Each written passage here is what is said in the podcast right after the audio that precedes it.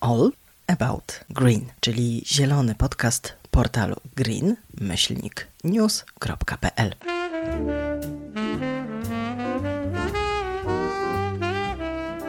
Tu znajdziesz najnowsze wiadomości o transformacji w energetyce, o OZE, elektromobilności, przemyśle, światowych trendach i tym, jaki mają wpływ na polską politykę i gospodarkę. Nie zabraknie też zielonej kultury.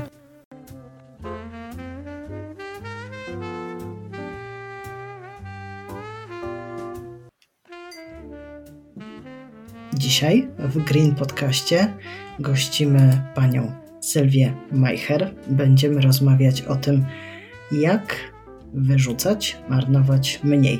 Nie tylko jedzenia. Przekonacie się Państwo, że to mniej, less waste i zero waste dotyczy bardzo różnych sfer życia. Dzień dobry. Ja przede wszystkim kojarzę Panią z książek i z propagowania takiego zdroworozsądkowego podejścia do życia, do jedzenia, do tych zasobów, które mamy. Złapałam się w pewnym momencie, zgłębiając y, Pani mm, teksty, czytając to, co publikuje Pani w mediach społecznościowych, że tak naprawdę to nie jest nic odkrywczego, że tak żyli na przykład moi dziadkowie. Ja sobie nie przypominam, żeby e, w ich domu wyrzucało się żywność. Bardzo często te odwołania do dziadków się e, pojawiają. Zawsze przy okazji Dnia Babci czy Dnia Dziadka ja udostępniam taką grafikę, że babcie już były zero waste, chociaż nie miały świadomości, bo dla nich to był po prostu naturalny tryb życia. To oczywiście wynikało z innych e, powodów, bo e, między innymi miały ograniczony dostęp do sklepów. To nie było tak, że w tych sklepach były wypełnione półki po brzegi, że sklepy były czynne tak jak teraz od rana do nocy i w zasadzie w każdym momencie mogliśmy, mogły zrobić duże zakupy. My możemy, bo możemy nawet kupić jedzenie i wszystkie inne produkty na stacji benzynowej, więc my mamy gdzie marnować. E, nasze babcie, nasi dziadkowie mieli po prostu mniej tych e, pokus, ale też jednocześnie e, czuli taki silniejszy związek z naturą i większą odpowiedzialność po prostu za środowisko, bo wiedzieli, jak bardzo są zależni od tego, co natura ma w ofercie.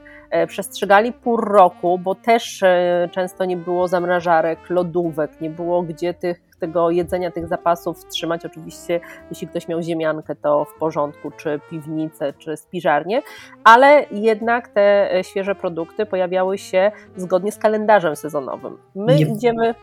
Nie było konserwantów nie było konserwantów, także my idziemy dzisiaj do e, sklepu nawet osiedlowego i możemy mieć tam truskawki w styczniu, e, arbuzy w lutym, szparagi w grudniu, pomidory w grudniu i y, też nie mamy się co dziwić, że nagle jest takie zaburzenie i nie wiemy, e, jaki produkt jest do jakiego miesiąca e, przypisany. Też bardzo często mm, wrzucam taką grafikę właśnie co jeść w danym miesiącu i kiedy wrzucam ją po raz pierwszy, to wydawało mi się, że nie no, wszyscy wiedzą, a okazało się, że to jest jedna z najbardziej pożądanych informacji, że właśnie w grudniu nie jemy pomidorów, tylko warzywa korzeniowe, bo tak nam wskazuje natura i to jest najlepsze dla naszego organizmu. Ja sama mam taki kalendarz.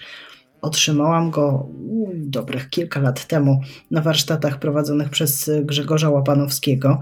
Powiesiłam go w domu i studiowałam z dzieckiem dość wynikliwie, właśnie po to, żeby pokazać jej, że w Polsce truskawki są w ograniczonym zakresie e, roku.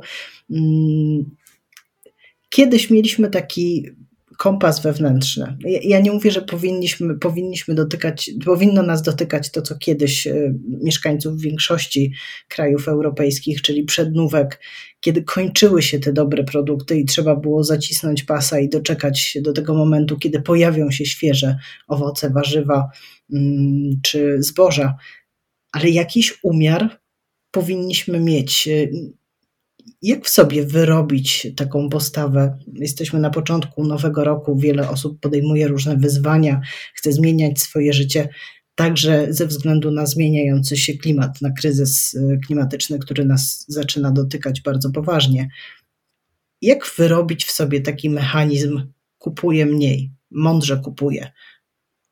Listy zakup, tak, zakupów? Lista i planowanie. To jest absolutna podstawa i to znowu jest coś, co wydawałoby się naturalne, tutaj nie ma w tym niczego odkrywczego, tymczasem 3 czwarte Polaków według danych banków żywności nie robi tej listy zakupów. I wydaje nie dość, że sporo pieniędzy które w efekcie trafiają do śmietnika w konsekwencji, bo mm, też z danych banków żywności wynika, że e, statystyczna polska rodzina wyrzuca do kosza co roku produkty o wartości około 3000 zł, a ja powtarzam wciąż, że na pewno jest więcej e, w tym śmietniku, dlatego że no, inflacja, ceny szalejące, więc to jest pewnie jeszcze więcej, mogą być nawet i dwie pensje w koszu, to jest bezsensowne.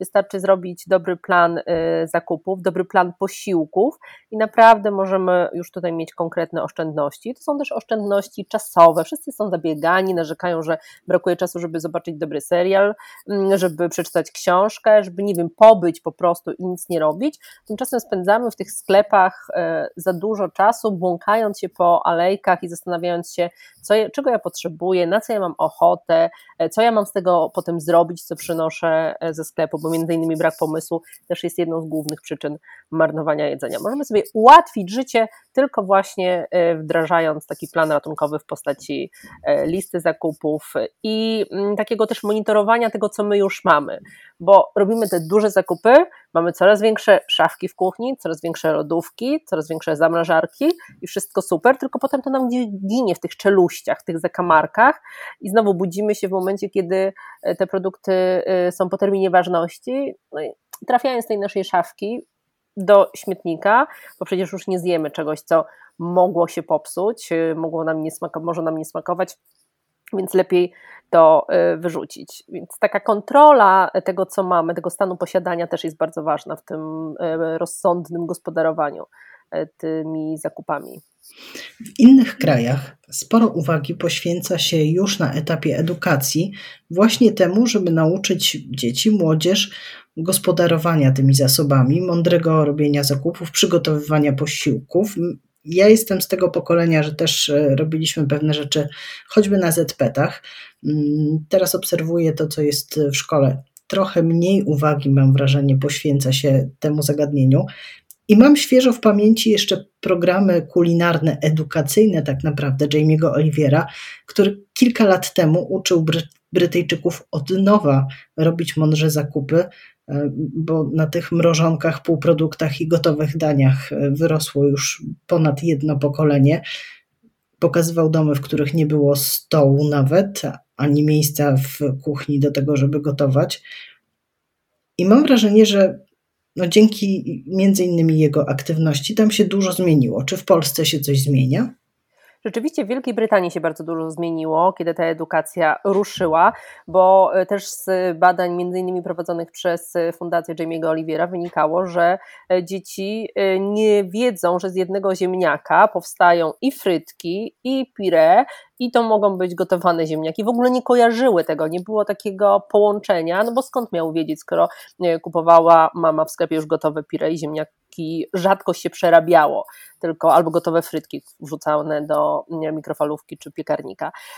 W Danii, e, w momencie, kiedy dostrzeżono ten problem marnowania żywności, też wprowadzono edukację kulinarną i tam y, okazało się, że w ciągu pięciu lat udało się zmniejszyć skalę marnowania o co najmniej jedną czwartą. Między innymi dlatego, że y, powstały programy, które uczyły już najmłodszych, jak y, ta żywność powstaje, skąd się bierze, jak ją wykorzystywać, jak od trzonka do korzonka każdy produkt y, potraktować z szacunkiem.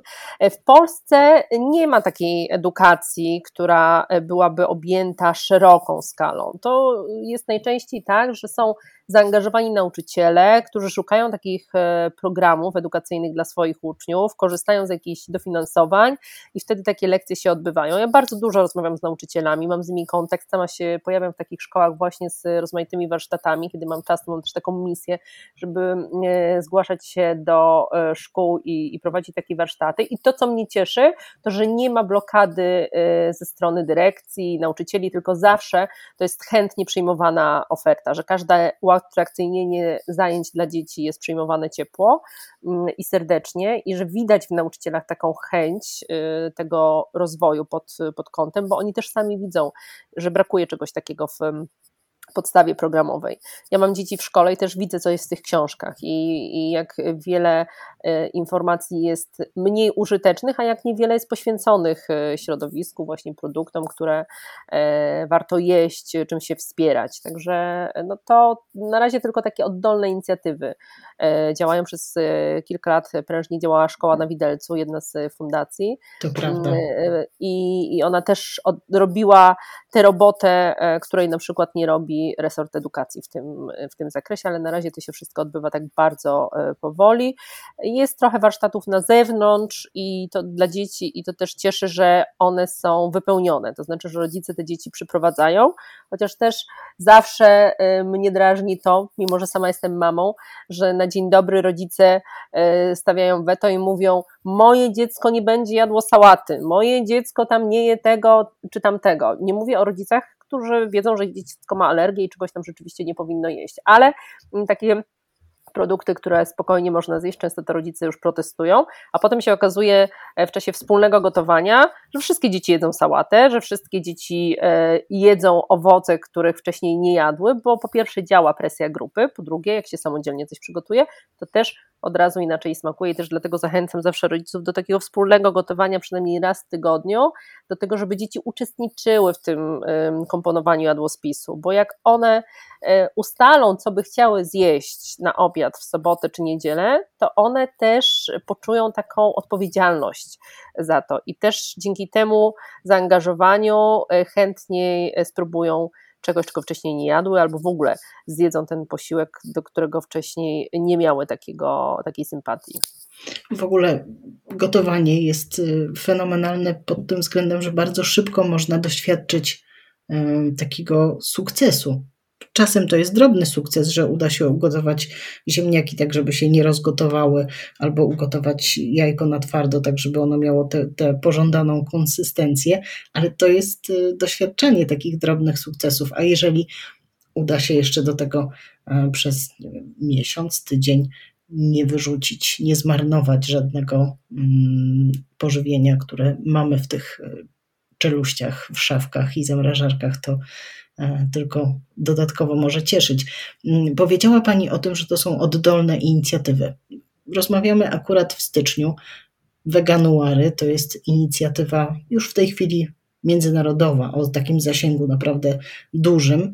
Mm, celem tej akcji jest spopularyzowanie diety, w której jest mniej mięsa. Niekoniecznie od razu zachęca się ludzi do tego, żeby przeszli na e, weganizm czy wegetarianizm, tylko żeby zobaczyli, że da się funkcjonować bez mięsa. Mm, czy Pani zdaniem w takim kraju jak Polska tego typu akcje mogą odnieść realny skutek? Mogą odnieść, dlatego że też szukamy y, pomysłów na jedzenie bez mięsa. Jesteśmy silnie przyzwyczajeni do tego, że to mięso y, łatwo jest przygotować, y, że ten posiłek mięsny nie wymaga jakiegoś szczególnego zaangażowania i coś w tym jest, bo rzeczywiście mięso jest tak intensywne, że wystarczy trochę soli, pieprzu, ewentualnie jakichś innych przypraw, krótka obróbka na patelni, jakaś chrupiąca otoczka i mamy gotowy obiad. Z warzywami trzeba trochę pokombinować, więc y, taka forma e, informacji też jest próbą dotarcia po prostu do tych, którzy y, z różnych względów chcieliby ograniczyć mięso, a nie do końca wiedzą, jak to zrobić. Pokutuje wciąż wiele mitów, że mięso musimy zastąpić czymś, więc y, taki, takie akcje, takie kampanie też odpowiadają na te pytania, czy rzeczywiście musimy mm, zastąpić, czy białko roślinne nam nie wystarczy jak komponować te posiłki, żeby one były wartościowe, te e, roślinne posiłki. No i przede wszystkim e, jakaś e, inspiracja dotycząca przepisów. Według badań co drugi Polak deklaruje, że chce ograniczyć mięso. Widzi tę potrzebę i ze względu na swoje zdrowie i na kondycję planety. To już nie jest tak, że my musimy sobie odpowiadać na pytanie, czy mamy wybór. My nie mamy wyboru. My powinniśmy to zrobić. Ja nie wierzę w to, że świat będzie bezmięsny całkowicie, bo widzę, co się dzieje z tą konsumpcją mięsa mięsa. W latach 40. w Polsce zjadaliśmy rocznie, statystyczny Polak zjadał około 15 kg mięsa, w latach 50. około 20 kg, oczywiście z innych powodów to wynikało, wynikało. W tej chwili zjadamy ponad 60 kg rocznie i jeśli to spada, to w ostatnich latach, ale bardzo niewiele, więc najpierw warto ograniczyć i to już będzie sukces, bo gdyby każdy, y, chociażby z Polaków, tylko zrezygnował y, kilka razy w tygodniu z tego mięsnego posiłku, to przyniosłoby to większy efekt dla y, planety, jeśli chodzi o emisję gazów cieplarnianych, niż niejedzenie mięsa przez milion wegan i wegetarian, którzy są w Polsce. I tu też zawsze podkreślam, że to nie chodzi o licytację, tylko pokazanie skali, że ta skala ma naprawdę ogromną siłę, siłę rażenia i namawiam do tego, żeby spróbować, bo często takie największe przekonanie jest w naszej głowie, że no nie no, jak tu zjeść coś bez mięsa, albo też mówimy, że przecież my tak dużo tego mięsa nie jemy raz na jakiś czas, tylko jak zrobimy sobie taki rachunek sumienia, rachunek tej swojej diety, to się okaże, że i na śniadanie jest kanapka z mięsem, czy z wędliną, czy z pasztetem, bo tak jest najwygodniej. Na obiad też jakaś lekka sałatka, też z mięsem, no bo przecież kurczak to w sumie nie mięso, białko, nietuczące, ta sałata to można i kolacja jakiś makaron też e, z mięsem. I się okazuje, że to mięso jest w każdym posiłku, chociaż nie do końca zdajemy sobie z tego e, sprawę, a kiedy zastąpimy mięso innymi produktami roślinnymi, to nie dość, że będzie to dobry skutek dla naszego zdrowia, no to też nagle zobaczymy, jak łatwo jest na tę dietę, a bardziej styl życia roślinny przejść. Tutaj chyba chciałabym się podzielić własnym doświadczeniem i zapytać e, o radę mm, bardziej doświadczoną osobę, jeśli chodzi o implementowanie takich zmian. Ja dość dużo czasu potrzebowałam do tego, żeby nauczyć się dobrze obrabiać tofu i robić z niego różne rzeczy, które smakiem czy konsystencją rzeczywiście mogą naśladować tę kuchnię tradycyjną. Zabrało mi to sporo czasu. Wiem, że wiele osób w pierwszym odruchu kiedy myśli o tym, żeby zrezygnować z mięsa, sięga właśnie po tofu i szybko się zraża. Bo też szukamy od razu zamienników jeden do jednego. Ja na wszystkich warsztatach i w swojej e, książce Mniej Mięsa proponuję, żeby zwrócić się ku temu, co mamy najbliżej, co znamy, do produktów, które mamy oswojone, czyli właśnie warzyw. E, jeśli to ma być dieta wegetariańska, to e, rodzimych serów, które potrafimy bardziej wykorzystać i potrafimy z nich wydobyć te głębie smaku. Rzeczywiście samo tofu mm, bez jakiejś obróbki jest mało charakterystyczne i może nie pasować. W tej chwili też jest y, rozwijający się intensywnie, dynamicznie rynek zamienników mięsa i znowu takich zamienników w postaci parówek, kiełbas, y, wędlin y, roślinnych i z jednej strony super, to, to jest odpowiedź na zapotrzebowanie, które się pojawia, ale z drugiej strony też trzeba być czujnym i czytać składy, bo to, że coś jest wege, to nie znaczy, że to jest synonim zdrowia. I łatwo popaść w pułapkę, e, przeskoczyć z tych przetworzonych e, parówek mięsnych do przetworzonych e, parówek roślinnych, które wcale nie są lepsze dla nas. Więc zamiast y, na początku utrudniać sobie to y, zadanie i komplikować tę bezmięsną historię, to warto właśnie poszukać przepisów i pomysłów na y, marchewkę, która nie zawsze musi być rozgotowana w jakimś bulionie, tylko może być w daniu głównym zaserwowana, może być pieczona, wystarczy zmienić jej strukturę, może być smażona, duszona w różnej wersji z ostrzejszymi przyprawami, z łagodniejszymi przyprawami, pobawić się właśnie strukturą takich warzyw, które znamy i tam poszukać tego dobrego smaku, a dopiero na kolejnym poziomie zaangażowania kulinarnego sięgać po e, takie produkty jak tofu. Mamy fantastyczne boczniaki, które teraz właśnie dzięki kuchni wegańskiej e, zostały odkryte. Ja kocham boczniaki od dziecka, bo mm, e, jestem z Wielkopolski, moja babcia, moja cała rodzina jest z Wielkopolski i babcia mieszkała we wsi, gdzie właśnie były y, uprawy y, boczniaków i od sąsiadów y, braliśmy te boczniaki nieustająco. I y, też je przetwarzaliśmy na, w różnej wersji, i pieczonej, duszonej, smażonej. Teraz kuchnia wegańska robi z nimi cuda, bo zastępują flaki, zastępują e, nawet wołowiny tak drobno posiekane i przesmażone. I, I może w tym kierunku najpierw, zamiast szukać e, produktów, które e, są zbyt wymagające dla początkujących. Gdzie się zaopatrywać w dobre produkty? Bo dobry produkt y, spożywczy łatwiej przechować, trochę poleży, łatwiej z niego coś zrobić, nawet jeśli warzywo nam trochę przywiędnie. Mm, czy mamy dostęp do dobrych warzyw jakościowych? Wszystko zależy oczywiście od tego, gdzie robimy zakupy. Ja też nie demonizowałabym aż tak bardzo e, dużych e, sieci handlowych, dlatego że one też odpowiadają na zapotrzebowanie konsumentów i nie ma co się obrażać na to, że większość ludzi jednak tam robi zakupy. Chciałabym bardzo, żeby wszyscy robili na małych e, targach i kupowali bezpośrednio od rolników, byli zrzeszeni w takich inicjatywach, mm, ale to też nie jest realne. E, z różnych względów, szczególnie e, w dużych miastach. Więc e, zawsze patrzę i szukam tych pozytywów i cieszę się, że te działy z dobrą żywnością, lepszą jakościowo żywnością pojawiają się także tam, gdzie jest więcej klientów.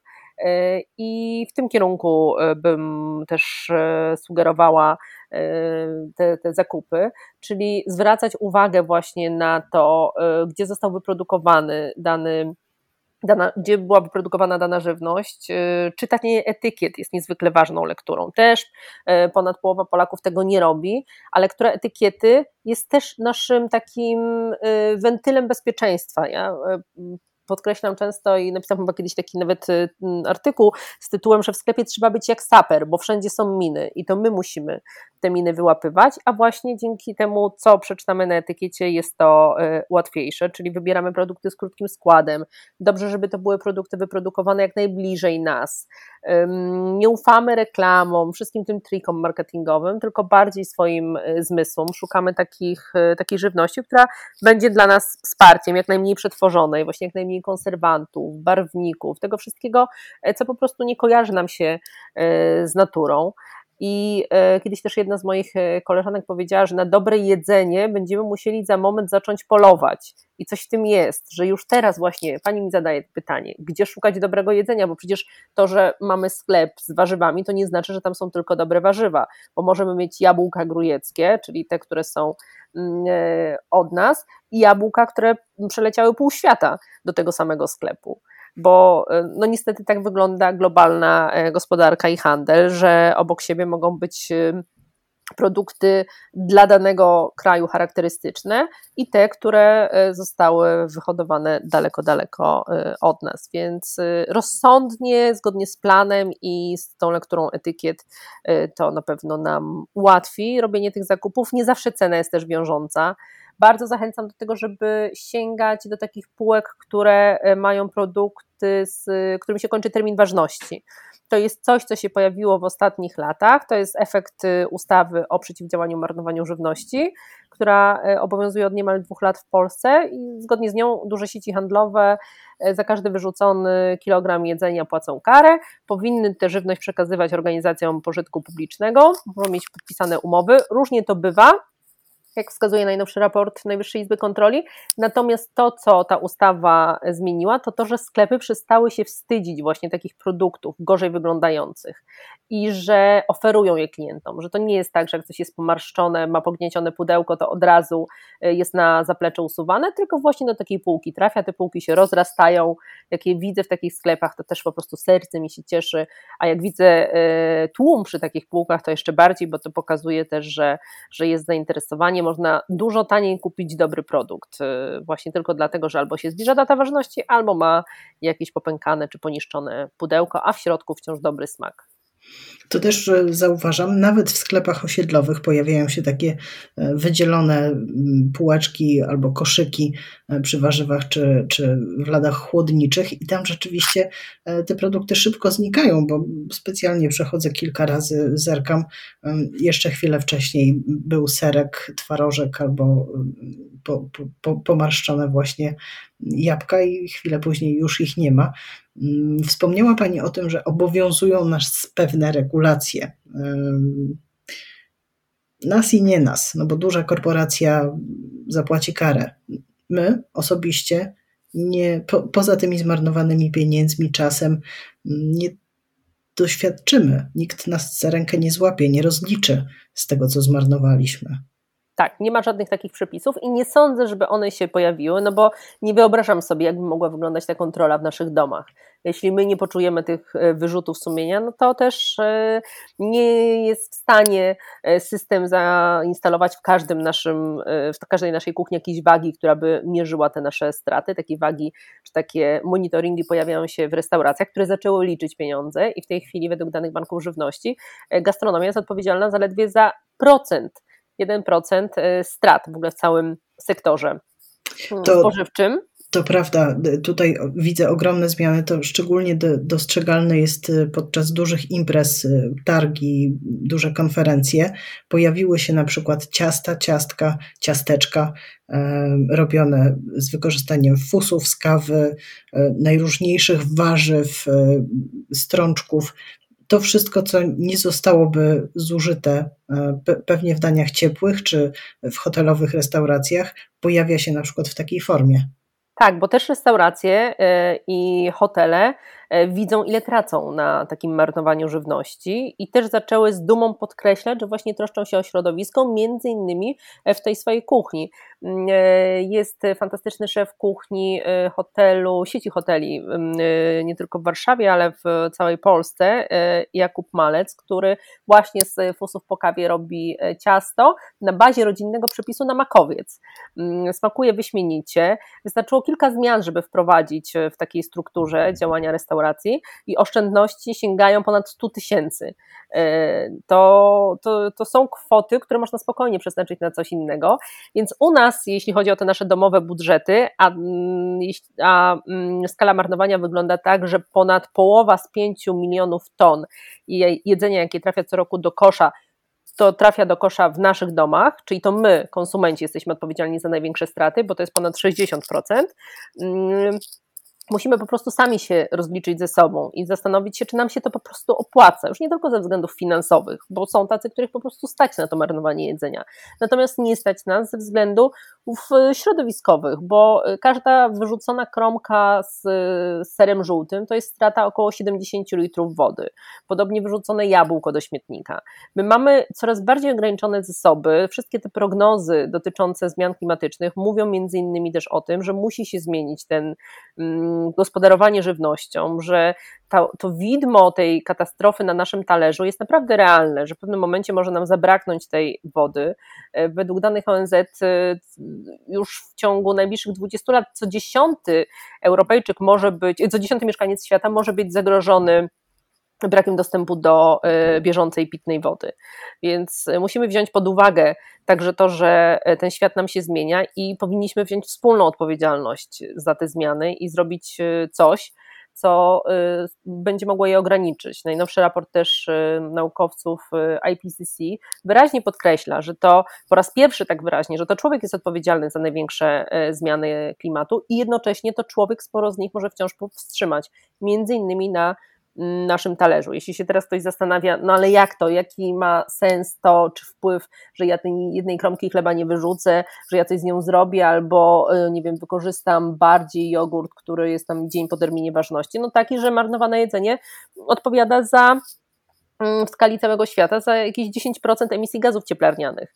Gdybyśmy je potraktowali jako kraj, byłby na trzecim miejscu zaraz po Chinach i Stanach Zjednoczonych, jeśli chodzi o emisję gazów cieplarnianych. To też daje pewne wyobrażenie, jaki to jest potężny problem do, do załatwienia. I to już nie jest tylko nasz egoistyczny wybór, że stać mnie na niemarnowanie, no już w tej chwili nikogo nie jest stać na e, marnowanie jedzenia. Przybywa takich e, inicjatyw, w których ludzie z miasta interesują się tym, skąd pochodzi żywność, która trafia do nich na talerze i chcą ją kupować bezpośrednio od rolników, dlatego rozwijają się w Polsce RWS-y, czyli rolnictwo wspierane e, społecznie. Polega to na tym, że zgłaszamy się do takiego gospodarstwa, które prowadzi specjalnie e, hodowlę warzyw, owoców z myślą o dostawach dla małej grupy odbiorców zrzucamy się razem na to, żeby rolnik czy rolniczka zakupił odpowiednie sadzonki czy nasiona, i potem w tym sezonie, kiedy e, płody rolne się pojawiają, odbieramy sobie mm, te nasze paczki z żywnością. To jest też sposób na to, żeby podkręcić lokalną produkcję. zapomnieć może chociaż na chwilę o awokado, które nas nęcą, które mają ogromny ślad węglowy, czy innych cytrusach? To jest w ogóle fantastyczny sposób na mm, taką większą więź z naturą i poznanie tego sezonowego kalendarza, bo w takich e, zamówieniach dostajemy to, co w danym momencie akurat jest na stanie nie coś, co zostało przetrzymane czy przywiezione do nas z giełdy w Amsterdamie, bo stamtąd sporo um, produktów do nas trafia, najpierw z całego świata do Amsterdamu, a potem jest rozwożonych po e, Europie, tylko właśnie z tych, od tych lokalnych e, rolników. To jest też ogromne wsparcie dla tych rolników, bo oni wiedzą, w co zainwestować, wiedzą, że będą mieli zainteresowanych, e, którzy odbiorą to jedzenie, że sprzedadzą je po godziwej cenie, nie będą się musieli zastanawiać w jakichś skupach, czy ta cena jest rentowna, czy nie jest, e, że będą mieli pieniądze na kolejny sezon, na, na, rozwinięcie swojego, mm, swojej produkcji, swojego gospodarstwa. To jest takie wzajemne zaufanie, bo też jednocześnie e, ten odbiorca ma pewność, że dostaje produkt najlepszej jakości. Zapłaci czasami za niego trochę więcej, ale ja tutaj też jestem e, zwolenniczką i zawsze to podkreślam, że to nam się opłaca. Lepiej kupić mniej, a mm, mieć więcej, czyli więcej tego dobra, które płynie z takiego produktu. Niech on ma lepszą gęstość odżywczą, niech ma więcej wartości dla nas. E, to nam się e, naprawdę opłaci, szczególnie w takim sezonie, e, w którym jesteśmy od pewnego czasu, gdzie to zdrowie jest niebywale ważne. Też różne raporty pokazują, że wzrosło zainteresowanie takimi inicjatywami, że ludzie są, ci, których na to oczywiście stać, w stanie zapłacić więcej za produkt dobrej jakości i szukają informacji o tym, kto stoi za e, danym, daną żywnością. Chcą wiedzieć, e, chcą wiedzieć, co się składa na taki produkt. E, też Komisja Europejska w najnowszej strategii od pola do stołu bardzo mocno podkreśla, że powinien być dos równy dostęp do produktów lepszej jakości, właśnie ze względu na pandemię, z którą borykamy się już od ponad dwóch lat, że bez względu na to, jaki kto ma status portfela, powinien móc y, wybierać produkty, które będą e, dla niego e, wsparciem. E, między innymi w tej strategii są założenia dotyczące kilku zmian na opakowaniach produktów, składów produktów. To mm, mają być czytelniejsze. Na przodzie opakowania mają być informacje o tym, czy to jest produkt, który mm, ma dużo konserwantów, czy nie, z czego jest złożony, przez kogo został wyprodukowany, ma być etykieta e, związana z krajem pochodzenia, e, bo to też ma wpływ na ślad węglowy takiej żywności. Także myślę, że ta dekada w ogóle będzie kluczowa, jeśli chodzi o to dobro konsumenta, o to wsparcie konsumenta, o ten dostęp do produktów lepszej jakości dla wszystkich trochę już wybiega Pani w przyszłość. Dekada to jest sporo czasu. Przed nami rok 2022. Za nami właśnie y, dwa lata mm, nietypowego funkcjonowania, funkcjonowania e, na dietach pudełkowych, dowożonych jedzeniach, ale też e, pieczenia chleba w domu. 2022 rok pod względem e, naszego podejścia do marnowania lub niemarnowania żywności. Będzie przełom? Przełom jeszcze może nie, ale na pewno będziemy coraz bardziej świadomi, bo zaczniemy po prostu liczyć. Ceny jedzenia są coraz wyższe i e, sama widzę po zainteresowaniu różnymi patentami na niemarnowanie, jak e, dużo się zmienia. To jest też temat, którego kilka lat temu nie było w ogóle w takiej dyskusji publicznej. On się pojawiał najczęściej wtedy jeszcze, kiedy jak aktywnie pracowałam jako dziennikarka, dwa razy w roku przed Bożym Narodzeniem, przed Wielkanocą, kiedy się odwiedzało banki żywności, które mówiły, a w Polsce marnuje się tyle i tyle jedzenia, e, a nie powinno, bo to jest złe, bo tracimy pieniądze i szkodzimy środowisku, mm, a biedni ludzie w Polsce nie mają co do garnka włożyć. Teraz ten temat wybija się na czołówkach gazet regularnie, pojawia się e, w programach telewizyjnych. Gotowanie z resztek, gotowanie zero waste to jest takie hasło, które też zostało e, jakoś mocno udostępnione. I to wszystko powoduje, że e, zmienia się rzeczywiście podejście i wymusza też taką refleksję na temat tego gospodarowania tym jedzeniem na temat e, tych zakupów. No między innymi też sklepy prowadzą kampanie, te, które sprzedają jedzenie, prowadzą kampanie dotyczące niemarnowania tych produktów, które się u nich e, kupi. To wszystko myślę, że będzie owocowało w najbliższych latach. Może jeszcze nie w tym roku, natomiast na pewno ekologicznie e, ten rok będzie dosyć intensywny. To też pokazują wszystkie raporty, że ekologia, ze względu na to, że naprawdę jesteśmy coraz bliżej e, tych odczuwalnych zmian, zresztą my już je odczuwamy, że ona będzie w tym dyskursie i publicznym, i w tych naszych codziennych wyborach, decyzjach. Bardzo dziękuję. Ja ze swojej strony zachęcam Państwa do tego, żeby sięgnąć po książki mm, pani Sylwii Majcher. Wykorzystuje, nie marnuje, gotuje, nie marnuje i mniej mięsa. E, tam można zaczerpnąć e, sporo inspiracji, dowiedzieć się, e, prześledzić w domowych budżetach, gdzie popełniamy błąd, bo, bo, bo to jest chyba początek do tego, żeby wejść na właściwą ścieżkę.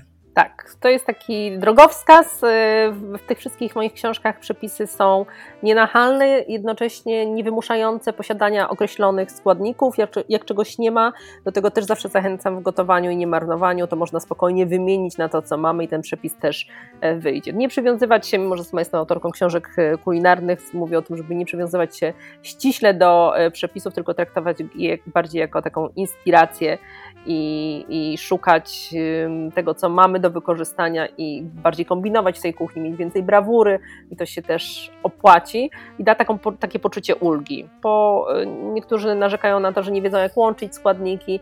Eksperymentowanie to jest też dobre motto na ten rok, więcej eksperymentowania, mniej marnowania i, i będzie smacznie.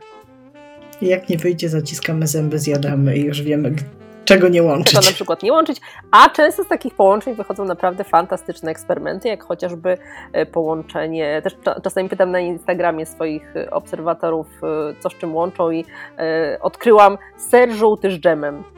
To naprawdę dobrze. Oj tak. Ja nie wiedziałam, ja nie wiedziałam, ale dużo jest takich nietypowych połączeń, które mogą być zaskakujące w nazwie, a w smaku pysznie brzmią. Ze swojej strony dodam jeszcze pasztet fasolowy z pokrojoną w plasterki cienką marchewką. O, też pięknie, a ja uwielbiam pasztet y, taki mm, warzywny, właśnie z warzyw na przykład z bulionu, y, z, z świeżymi morelami albo e, brzoskwiniami pokrojonymi cienko w plasterki. Też to dobrze smakuje. Nic, tylko czekać na lato i mieć nadzieję, że e, żaden przymrozek nie e, zmrozi kwiatostanów i będą w tym roku owoce, z których będziemy mogli e, trochę poszaleć. Bardzo dziękuję za to spotkanie. Dzisiaj w Green Podcaście gościliśmy panią Sylwię Majcher, edukatorkę ekologiczną, autorkę książek, których podpowiada, jak nie marnować. Rozmawiała Agata Rzędowska.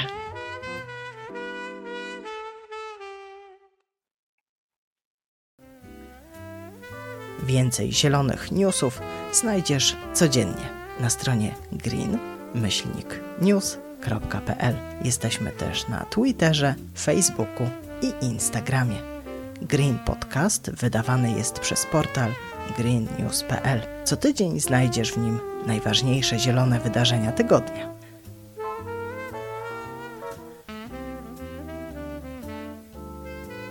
Chcesz wiedzieć więcej?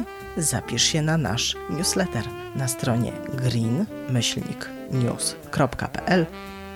W zakładce newsletter wpisz swoje dane.